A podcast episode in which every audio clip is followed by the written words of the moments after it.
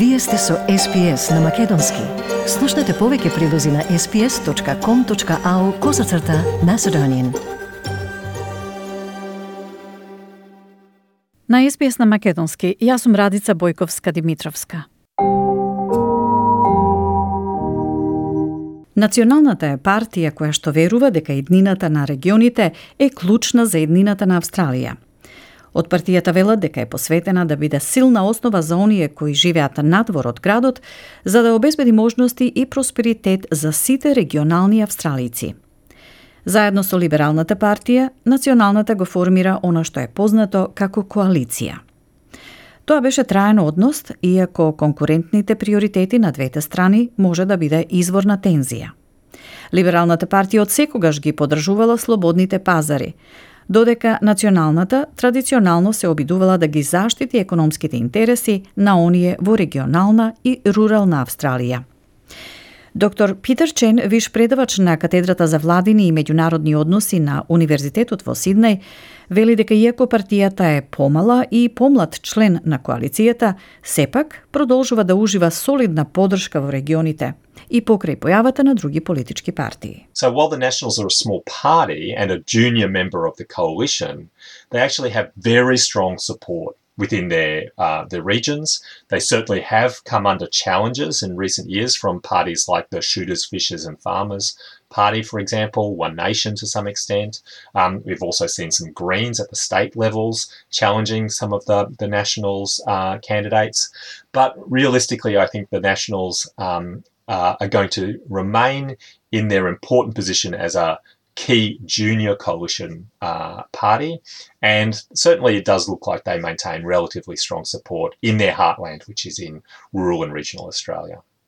Како втора најстара политичка партија во Австралија, Националната ја прослави својата 100 годишнина на 22 јануари 2020 година. Како и големите партии, и националната се соочи со лидерски проблеми во последниве години. Актуелниот лидер, Барнаби Джойс, беше реизбран од неговите сопартици за лидер на 21 јуни 2021 година, откако предходно ја вршеше функцијата помеѓу 2016 и 2018 година. Джойс се повлече од функцијата во 2018 откако откри крај на неговиот брак и дека е во врска со поранешна вработена.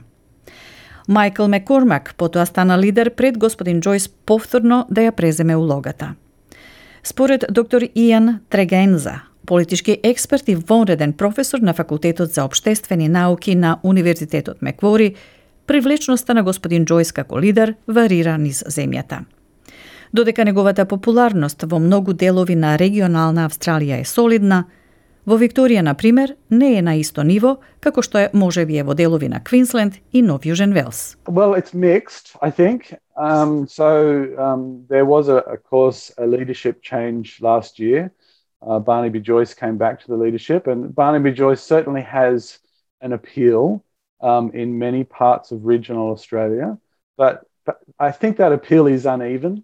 So uh, he's perhaps less popular, say, in Victoria than he is in parts of Queensland and, and New South Wales, for example.